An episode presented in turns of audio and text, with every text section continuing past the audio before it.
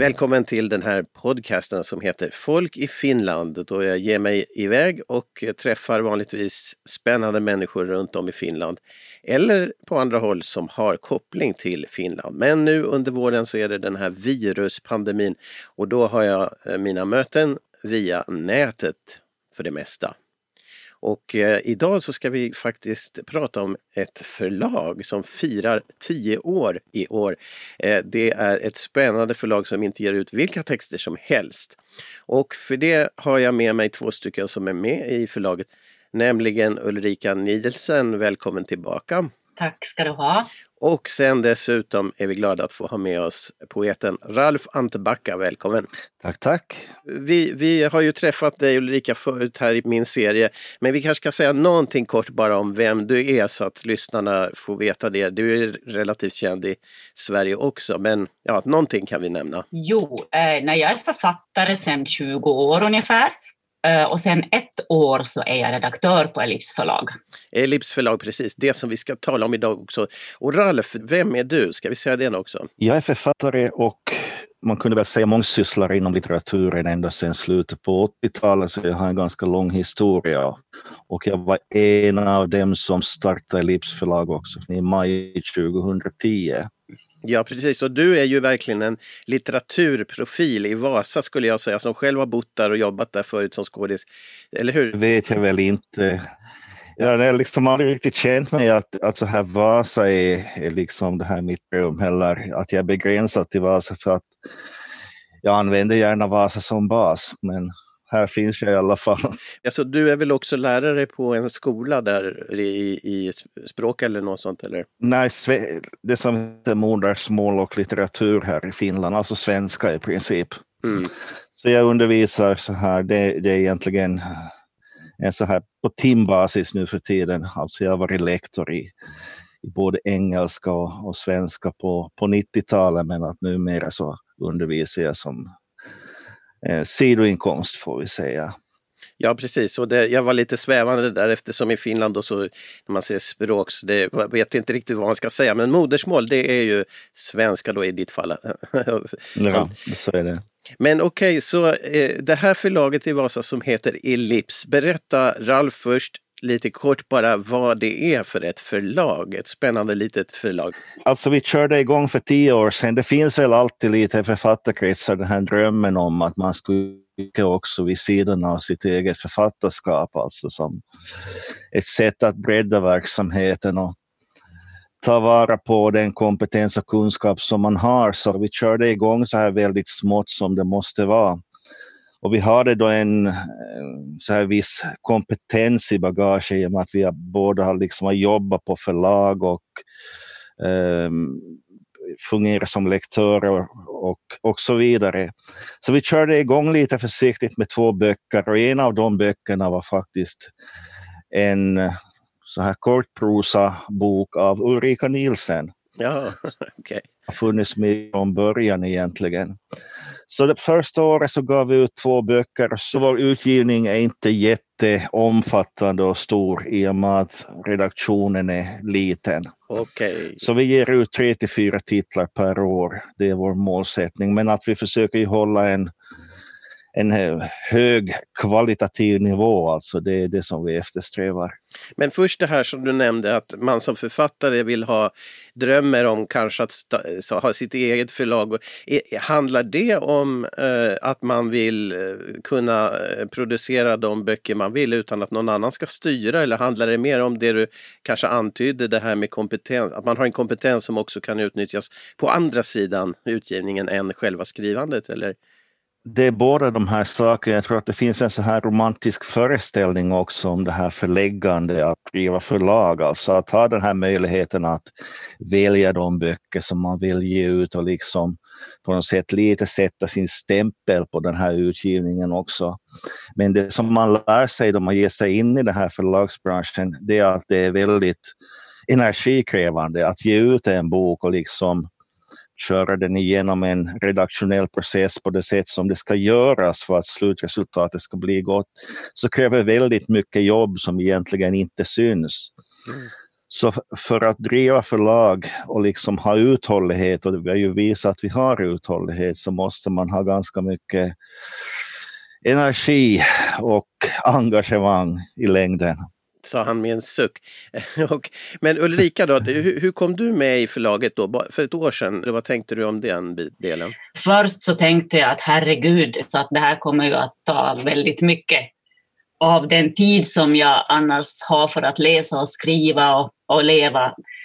Eh, men samtidigt så kände jag nästan direkt en enorm liksom så här, mm, men lust att göra det här. För att jag har ju själv följt Ellips förlag ända sedan begynnelsen och tycker att, tyckte då att det var ja, en av de absolut viktigaste aktörerna på det finlandssvenska litterära fältet och blev allt viktigare. Jag kunde liksom inte tänka mig att Elips skulle försvinna en dag. Det skulle kännas som en kvävning på något sätt. Så jag tänkte liksom att någon måste ju göra det här. Någon måste göra det. Och, och Eh, nu får jag frågan och förtroende och kände också att jag har den kunskap som krävs faktiskt för att kunna läsa och olika typer av litterära texter och liksom bedöma dem på något sätt. Så den, den tilliten hade jag också till mig själv då. Och det har jag väl fortfarande nog, men det är väldigt um, eh, annorlunda kanske nog än vad jag trodde. På vilket sätt? Alltså för det första måste jag säga att det är väldigt roligt. Eh, men det är ännu mera energikrävande kanske än jag trodde, för det handlar liksom inte bara om att läsa texter som när man ska skriva recensioner, utan man läser ju texter som aldrig har gått genom någon nålsöga innan. Eh, så man måste liksom själv ta det där beslutet om, om det här ska ges ut eller inte. Det är ju ett väldigt stort beslut. Jag vet ju eftersom jag själv är författare vad det skulle kunna betyda att få en refusering för, mm. för ens för ens identitet, kanske för ens ekonomi.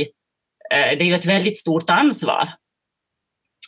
Och eh, att refusera en bok måste man också göra med stor omsorg och, och eh, man kan inte bara liksom, ja, det här var inte något bra, utan man måste ju göra det här på ett professionellt och eh, omtänksamt sätt så att den här författaren kanske kan komma vidare också, för ofta är det ju liksom bra texter, alltså texter som har kvaliteter också, som vi är tvungna att refusera. Eh, och så är det ju mycket annat man måste göra. Man ska korrespondera med författarna till exempel, vilket också kräver att man utvecklar sina psykologiska färdigheter, kanske sin fingertoppskänsla. Mm, Jag är liksom normalt en ganska, vad ska man säga, rakt på sak och kanske kan framstå som lite burdus eller liksom eh, så, sådana sidor måste man också utveckla. Lite kanske, ja, allt möjligt. Väldigt spännande men väldigt mycket mer än vad jag trodde. Det här skulle kunna prata om evighet, jag vet inte. Det är bra. Det finns inget slut, inte i tid eller antal avsnitt. Samarbetar ni två då eh, kring eh, det här läsandet eller är det så att man gör sin egen eller hur pratar ni med varann här? Alltså vi tar gemensamma beslut om alla manus så att att det är en förutsättning för att en bok ska komma ut, att det finns liksom en eh, samsyn i redaktionen så att vi, vi läser och diskuterar alla manus som kommer in, att det fungerar på det viset. Jag tänkte ännu, vi ska nämna den här tredje personen, alltså Katarina Gripenberg som också är medlem av redaktionen. Hon är, blev mamma för ett år sedan så hon tar en paus för tillfället men är på väg tillbaka så småningom. Mm. På, på vilket sätt eh, diskuterar ni texterna? Det, det kan väl se lite olika ut Eh, är mitt spontana svar. Alltså ibland så är det texter som vi inte har någon förhandskunskap om. Så man kan liksom, man läser dem så här och eh, bekantar sig med dem och kommer in i dem och sen så börjar man diskutera vad de har för fördelar och vad de har för brister och svagheter och, och om de ska passa in i vår utgivning. Det är ju också en viktig sak i och med att vi är, vi är ganska nischade. Dels så är det poesi som vi ger ut, det är vår primära genre, men också kortprosa, essayistik och sånt. Mm. Men att ganska många manus vi får in så är ju berättande prosa och då brukar vi ju vanligtvis tycka att det är andra som är bättre skickade att ge ut den typen av manus. Andra förlag, ja. Men Ulrika, hur är det med dig då? Det här, hur går det till för dig att diskutera texterna? Måste du ha tid för dig själv först och sen, eller hur, hur eh, går det, är det där processen för dig? Det brukar vara så ofta att vi, vi skriver liksom varsin respons till varandra om våra intryck. Mm.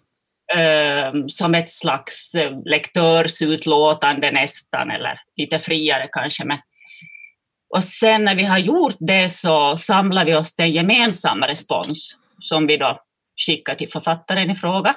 Mm. Um, ja, som, som ofta är en sammangjutning av, av, av våra läsningar. Och det intressanta är att hittills så har vi varit Alltså det är väldigt sällan, jag vet inte ens om vi någon gång riktigt har varit sådär på att vi skulle ha haft hemskt olika åsikter om någonting. Mm. Vilket ju på ett sätt är bekvämt men kanske bra om Katarina kommer tillbaka småningom så att vi får Tre röster då? Och tre röster. För att... det, det är kanske den ultimata konstellationen, det att man har liksom tre olika synsätt, för då får man viss typ av friktion. Men jag tror ändå att vi i grunden alla tre har ungefär samma litteratursyn. Mm. Och det handlar ju inte alltid om att ett manus måste motsvara det som man själv uppfattar som den litteratur som man tycker allra mest om, utan det har vissa kvaliteter. Det är ju det som är redaktörens uppgift, liksom att se de här kvaliteterna. Mm. Också om det är kanske ett verk som inte riktigt nu är ens favoritverk, men man ser att det har de här kvaliteterna som ska motivera en, en utgivning. Mm. Så jag, jag tycker själv att det här är väldigt spännande i det här redaktörskapet, att man måste lite stiga ur, ut ur sig själv och, och sina egna åsikter och fokuseringen på det egna skrivandet så, som ju vägleder väldigt många författare. Man tar en annan roll som redaktör då man liksom ser på andras texter och måste liksom bredda sin syn på litteraturen överhuvudtaget. Mm. Och det här har jag alltid upplevt som väldigt nyttigt därför att man kommer bort också från den här fokuseringen på det egna som man är inne i väldigt mycket som författare som kan bli lite jobbig i längden. Mm. Jag skulle bara hålla med, det här är en jättespännande aspekt av det hela och mm. Man får ju också perspektiv på sitt eget skrivande på det här sättet. Att ja, det var det jag tänkte. Det är så otroligt uppenbart för en att även det som jag skriver så är en del av allt det här. Och och andra läsare eller förläggare eller vad det kan vara har, har en viss blick på det här. Att det, mm. ja, man blir kanske lite mer ödmjuk helt enkelt och eh, öppen för att ja, det finns olika, olika sätt att skriva, men det kan ändå vara lika värdefullt eller, och så länge kvaliteten är där. Men är det, eh, påverkar det ert eget skrivande, nu har Ulrika du bara jobbat med det här ett år än så länge, men och, och Ralf du har hållit på länge med, med den här rollen, så har ditt eget skrivande förändrats tack vare din redaktörsroll eller? Det tror jag knappast, men mm. att jag utvecklar mitt tänkande kring mm. texter och vad som är kvalitet och vad jag själv vill eftersträva i mitt skrivande. Att det, den typen av skärpa så får man ju genom att läsa andras texter också och ta ställning till dem. Mm. Och jag inledde min så här um, skrivarverksamhet eller verksamhet inom litteraturen med att skriva kritik som väldigt många gör. Jag upplevde det som en väldigt viktig skola därför att man mm. ser, då man ser på texter så måste man bestämma sig för vad som är bra eller vad som är dåligt i dem. Och också vad man själv tycker att det är är viktigt och vilken typ av litteratur som man vill stå för. Och jag tycker att det som är fortsättning också av, av det skrivande, att, att se på andras texter. Mm. Och som Ulrika sa så är det väldigt speciellt det här att läsa manus som inte har filtrerats överhuvudtaget tidigare. Att de flesta av oss, då vi möter en bok, så är det en sån som har gått igenom en redaktionell process. Mm. Och den är liksom tryckt och den finns inom pärmar och då ser man på den här boken på ett visst sätt. Men ibland man får en textfil så finns det ingen förhandsinformation, det finns liksom inga sådana här markörer som säger att det här ska tolkas på ett visst sätt. Mm. Utan du måste möta den här texten på textens villkor. Mm. Och det här kan vara en ganska knepig process, det är en helt annorlunda läsning än den här förberedda läsningen som den tryckta boken innebär. Mm. Ja, det där inte. Jag skulle prata lite mer om det. Jag ska bara kolla med Ulrika när det gäller frågan om ditt skrivande har påverkats av din redaktörsroll eh, så här långt som du har hållit på med det. Och du har förstås tittat på texter förr också. Men... Nej, det tror jag inte. Alltså ens eget skrivande lever på något sätt sitt eget liv. Mm. Uh, och uh, nej, det kan jag inte se. Möjligen kan jag se när jag läser väldigt bra manus som vi faktiskt faktiskt ofta gör. Vi har spännande saker som är på gång nu och så där. Mm. Så kan jag ju slås av, herregud, jag måste skriva bättre själv. okay. Men jag kan tycka, alltså de författare vi ger ut nu framöver och så här, att jag tycker deras texter är väldigt ja, väldigt hög, på väldigt hög nivå. Aj, vad spännande. Ja, men helt enkelt, de, de här kan ju verkligen skriva sådär, mm. det kan jag känna. Att man får, man får liksom hålla ribban högt själv. Just för att man blir medveten om att man, man är ju själv en del av allt det här och så vidare. Ja, fint, men någonting mer säga, skulle jag prata om det här med att möta en text som inte är eh, Eh, redan förberedd med marker, markörer så att man vet eh, kvalitet eh, och inte kvalitet. Och hur är det då för er det här att, att möta en text helt utan eh, någon sån mall, för det är väl inte fråga om att ni ska försöka hitta berättelser utan här är ju en helt annan typ av litterära verk som ni pysslar med, eller? Alltså den där frågan att vad är det som gör att man blir intresserad av en text eller får förtroende för den eller lita på den. Um, det kan ju vara väldigt, väldigt olika saker. Ibland kan det vara, vara ett tonfall, en, en närvaro, en, en, ett egenartat sätt att arbeta med språket. Men, men för mig är nog alltid berättelsen underordnad. Alltså det, för mig räcker det inte med att oj, det här var ju en liksom bra story, utan den måste liksom bäras av ett språk som så, ja, även, även när vi sysslar, sysslar med berättelser, så att säga, ger ut en, en prosaberättelse, så måste det liksom finnas... Alltså det, det är underordnat själva den där storyn. Mm, precis, ja. Men jag tror vi har samma ingång i, i skrivandet och synen på litteraturen, alltså det är språket, språkanvändningen och sätt att signalera olika saker genom stil. Vad man säger och vad man inte säger, hur man positionerar sig som röst. Alla sådana här saker är jätteviktiga. Det är ju egentligen, ska vi säga, Lips är inte ett eh, berättarförlag. Vi är egentligen motsatsen till det. Alltså, ja, det var det jag tänkte. Att jag, jag är ointresserad av berättelser därför att det är alltid samma sak gång på gång på gång. Mm. Man följer den här matrisen. Utan jag är intresserad av andra saker. Och det, nu, nu överdriver jag naturligtvis, berättandet är viktigt men att det finns ju så många som sysslar med det, så vi kan ju syssla ja, med det. Ja. Exakt. Ja. Alltså vi har ju ingången, jag skulle beteckna Ulrika som en poet också, för även hon skriver prosa ofta, men att hon har liksom en poetsyn på, på språk och text och framställning överhuvudtaget. Och där handlar det om att laborera med någonting annat än just ska vi säga, det här berättarmatrisen och skapa den här spännande intrigen eller någonting sånt. Mm. Utan det är andra effekter som man söker efter. Men hur är det i förhållande till publiken för er? Ska någon människa lockas att läsa det här?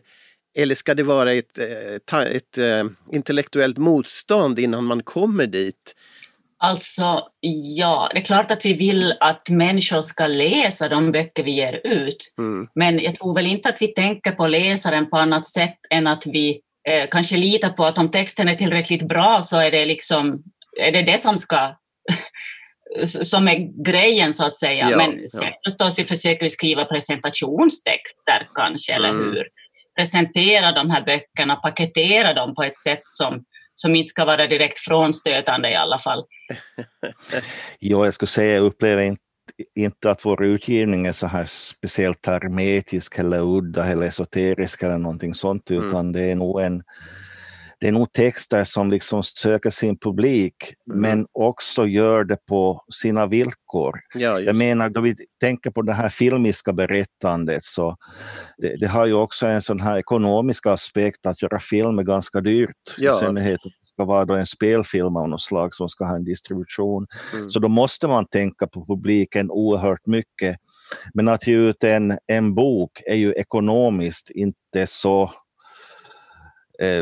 en så stor risktagning så att där kan man tillåta sig att vara lite mer experimentell och liksom välja den här vägen som, som är lite udda. Och jag tror att det är viktigt att det finns den typen av litteratur. Mm. Men jag brukar betona alltid, vi är inte ute efter att vara ett så här väldigt udda och konstigt och svårt förlag, utan vi är i princip, tar vi gärna emot mycket klara och direkta och underhållande texter om de håller den kvaliteten som vi söker och liksom också så här genremässigt passar oss. Mm. Så att vi är inte begränsade på det sättet. Men vad är, vad är tecken på den här typen av kvalitet för er båda? Eller vad kan det vara? Mm, Jag nämnde ju redan det här, alltså, alltså att språket, att använda språket som, som Ralf sa, man positionerar sig kanske i texten, Mm. um, närvaro, tonfall, stil. Alltså någonting som gör att man lystrar helt enkelt, att, om- att man liksom blir att man vill hö höra, höra på det här överhuvudtaget. Mm. Alltså man känner ju väldigt snabbt tycker jag ändå att nej men det här, här händer det liksom ingenting. Mm. Och händer det ingenting, eh, den känslan, då, då är det förmodligen inte så bra. Men Mm. då kan det ju vara så att jag just inte hör på den där frekvensen, att jag inte hör vad som händer här. Ja, det också Eller kan uppfatta det. Och därför är det ju bra att vi är två eller, eller tre då. Ja, Eh, för, att, för att det kan absolut vara så. Det vet man ju också att man kan läsa en bok som man tycker inte gav en någonting. Och så Mm. läser man den igen fem år senare och så, åh hjälp, det var ju det här. ja. Så det där är ju väldigt eh, knepigt faktiskt. Ibl- Ibland dyker det ju upp manus som är så här väldigt knepiga. Alltså det finns Mhm. någonting där som är intressant men ändå är det annat som inte övertygar. Vi har ibland haft jättelånga diskussioner om vissa manus. Aj, vad intressant. Och, Ja, det pågår fortfarande. Ja. Fun, fun, och så, då, vi, då, då har vi ofta en så här stark källkritisk aspekt med den här diskussionen också. Det är någonting som gör att vi liksom har glasögon på så att vi inte ser de här kvaliteterna. Men att i något skede så måste man ju ta ett beslut också och bestämma Mm. sig för om det här är någonting som vi vill ge ut eller inte ge ut. Mm. Men sen den här frågan om kvalitet, jag instämmer med det som Ulrika säger. Vi har ju läst väldigt mycket så vi är, vi är medvetna om de här strategierna som finns. Mm. Då man skriver text, då man presenterar sig själv, då man försöker markera att någonting är viktigt och angeläget. Mm. Så att om man fuskar så brukar vi också kunna genomskåda det här, inte alltid kanske men eh, vi, har, vi har en läsvana så vi känner till de här strategierna och det finns vissa texter som har en enorm auktoritet i positiv mening, alltså att man känner att de är så på något sätt rotade i någonting angeläget och verkligt och kompetent och någonting som behöver få få en kanal, liksom behöver få möta en läsare. Så. Mm. Men det, det är som olika ska vi säga, aspekter som tvinnas samman då man möter en så här riktigt stark text. Mm. Att, att bitarna faller på plats på något sätt. Det, är ju lite som att men alltså det är lite, alltså man kan inte jämföra helt och hållet, men på något sätt lite som att möta en, en människa, en person. Mm. Varför får man förtroende för vissa människor? Mm. Eh, Och varför får man inte för andra? Det här är ju en, liksom lite en läggningsfråga. Vissa genomskådar människor direkt och vissa låter sig... Eller hur? Alltså, men man kan ju också ta fel. Alltså, Man Mm. kan ju ha fördomar och man kan liksom ha sina projektioner och vad det nu kan vara. Men på något sätt liknar det. Jag brukar tänka att, att, att man måste lita på en text. Alltså man, som, som man, jag tänker om man skulle gå in, in i en mörk skog med en människa, Mm. skulle jag våga gå med den här människan? Alltså någonting sånt. Aj, vad Eh, intressant. Som, som, och, och ibland kan jag känna med en text, nej den här, den här litar jag inte på. Jag, jag skulle inte gå med den här texten liksom, till, till slutet. Den är en bild av det hela. Eh, Ellips förlag, alltså tio år i år. Och vad gör ni då för att fira det hela? Det är klart att den här viruspandemin påverkar säkert, men ni har väl lite evenemang och... Vissa sådana här grejer vi har haft så har blivit inhiberade här under våren. Det är ju virusvåren som ställer till här, men att vi kommer att ge ut i höst en essäantologi som heter Här nu 10 plus en essäer om samtiden. Aj. Och där har vi en så här ganska spännande skribentlista med medverkande både från Finland och Sverige och också en, en engelsk skribent så att vi får en, en sån vinkling på samtiden. Och den publiceras på engelska, den texten då eller? Den texten kommer att publiceras på engelska för vi mm. räknar med att det, det är en sån lingua franca idag så att man kan köra på engelska. Mm. Men att övriga bidrag kommer då att vara på svenska och vi ser väldigt mycket fram emot den här essäantologin. Det, det är liksom skärpta människor som står bakom de här texterna så jag tror att det kommer att bli läsvärt. I ett skede så var vi lite så här nervösa. Kommer alla att skriva om, om virus? Ja, just det. Karantän. Ja, det var precis nu de skulle skriva. Ja. ja. ja. Men jag litar på att de är så fiffiga och duktiga de här människorna så de kan liksom låta fantasin gå bortom den här omedelbara uh, situationen, karantänen, covid-19 och allting sånt. Mm. Men är det någon fest på gång eller något sånt? Vi får se lite. Nu hoppas vi ju att bokmässan i Helsingfors ska bli av, kanske kommer att fira lite där. I oktober, slutet av oktober? I slutet av oktober och sen finns det ju också en litteraturfestival här i Vasa som jag startade en gång i tiden. Ja, just det. Vasa Littfest? Eller? Vasa Littfest, ja. Mm. Så då är tanken att vi ska ha en programpunkt där också, liksom. Mm. Författarprogram på, på Littfesten. Så att det är det som är inplanerat och sen får vi se om det är någonting så här mer impromptu vi kan hitta på. Men de nästa tio åren då Ulrika, vad, vad tror du som en, en relativt ny aktör i förlaget, hur ser det ut? Jag känner mig jätteinspirerad att fortsätta och, och ge ut ännu bättre böcker och, och, och ja, alltså det, det känns väldigt roligt och jag tror liksom verkligen på, på det här förlaget sen handlar det om att få in bra texter också. Mm. Vi kan ju liksom inte göra det här själva utan men det, hittills så har det ju kommit, kommit in ett och annat. Så att så länge det fortsätter så, så.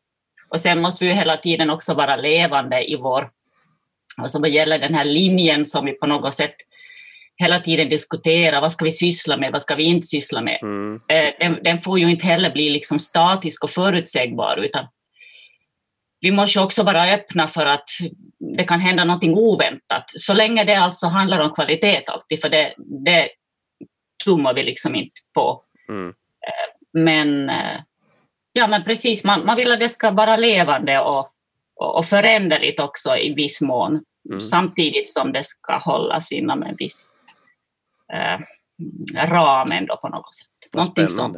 Känslan är inte att nu är vi utmattade efter tio års verksamhet, utan tvärtom så tycker jag att vi hittar hela tiden oss själva på ett tydligare sätt och mm. liksom ser eh, vad Ellipse ska vara och vad, vad, vi vill göra. Och sen är vi så pass etablerade nu för tiden. Vi är ett litet förlag men vi har liksom gott renommé. Mm. Så att det kommer in spännande manus och det kommer in spännande manus som motiverade oss också att, att liksom fortsätta och försöka.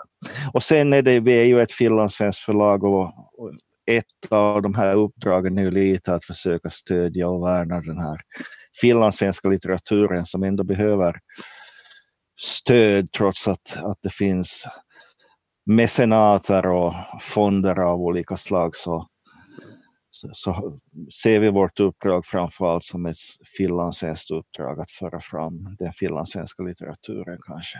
Ja, vi hoppas att den här podcasten ska hjälpa lite till att få kännedom om er och era texter i Sverige. Åtminstone bland mina släktingar. Jag vet inte om några andra, men, men någon, åtminstone någon kanske vill beställa böcker från er. Och hur gör man då när man ska få tag i era böcker och var hittar man dem? Eh, de finns på Adlibris, men det finns också en sån möjlighet att man eh, besöker vår distributörs hemsida. Distributören heter Boklund. Och adressen är väldigt enkel, det är liksom boklund.fi. Ja. Så där kan man beställa också direkt och det är egentligen de priserna skulle jag säga. Ja, och sen har, lägger jag upp en länk till er hemsida också. Där finns ju en blogg också om litteratur som ni, eh, olika gäster gör och ni också antar jag skriver på. Så kan man hitta lite om böckerna också väl på hemsidan. Fint ja. En sista fråga. Finns det någon text eller textupplevelse för er som gjorde att ni kom in på den här banan? Att ni insåg litteratur, det är det. Böcker, det är det. Jag tror att jag förstod ganska sent, alltså först egentligen under studietiden när jag studerade litteraturvetenskap vid Åbo Akademi så fick jag en väldigt stark estetisk chock, skulle man kunna säga. Eh, när jag läste Gunnar Björling och Gertrude Stein mm. främst. Mm. Och liksom hade tillfälle att prata om, om det här liksom, eh, med, med den person som höll kurser om, om modern poesi och modern teori. Mm. Också teori gick jag liksom igång på på den tiden. Uh, nej men det var någonting som öppnade sig. Gud, det är ju det här! Men jag kan inte sätta ord på det. Ja, vad fint. Det finns ju andra estetiska upplevelser också som av andra slag? Som det där att vad är konst för någonting och varför behöver jag det här rummet, den här platsen? Det finns många andra saker, inte bara böcker utan också filmer och musik. Och, mm. Men svårt att formulera skulle jag säga. Hur är det Ralf, har du någon sån där nyckel? Jag tror, eh, om man ser på ungdomstiden så där så finns det väl egentligen ingen enskild text som ska inspirera mig att försöka hysa författarambitioner utan det kom precis som för Ulrika så kom det senare, alltså under studietiden. Mm. Jag tror att alla svar man ger på sån här fråga, de är lite efterhandskonstruktioner, de är lite så här mytifierande. Men det finns en text som har varit oerhört viktig för mig och som jag återkommer till fortsättningsvis och det är The Love Song of J. Alfred Prufrock av T.S. Eliot. Mm. J. Alfred Prufrocks Kärlekssång heter den på svenska i svensk översättning av Gunnar Ekelöf. Ah. Så den texten, där finns mycket av det som på något sätt driver mig i, i sökandet. Det är, också, det är en text som är ett collage som är sammansatt och som har en mycket märklig verbal energi. Och det är de här energierna som jag alltid har sökt själv också. Och när var det som du upptäckte den? Tidiga studieår så kanske så här, man var 20-21, någonting sånt. Så att som en nyckeltext för att börja fundera på det här att ska jag själv försöka bli författare. Mm. Jag läste mycket i min ungdom men att jag, jag hyste liksom inte författardrömmar på det sättet. Jag ansåg inte att jag nödvändigtvis hade den talangen. Men... Mm. Jag, jag började läsa eh, ganska sent i livet faktiskt. Alltså först i samband med studietiden, så klart jag hade läst böcker men men det, var, det kom ganska sent för mig faktiskt. Så du skrev så långt före du läste så att säga? Då. Ja, alltså, ja, det kan man nog säga. Ja. Jag skrev sen jag kunde börja skriva. Men, mm. men läste sen. Precis. Ja, det här var fantastiskt givande och vi ska med spänning se fram emot antologin som kommer i höst och era, ert år och kanske möta er på Bokmässan eh, igen. Och det ska bli, eh, ja, ska bli riktigt spännande att se hur ert tionde år utvecklar sig. Tack för att ni har medverkat i våran podcast. Tack. Tack, Tack så mycket.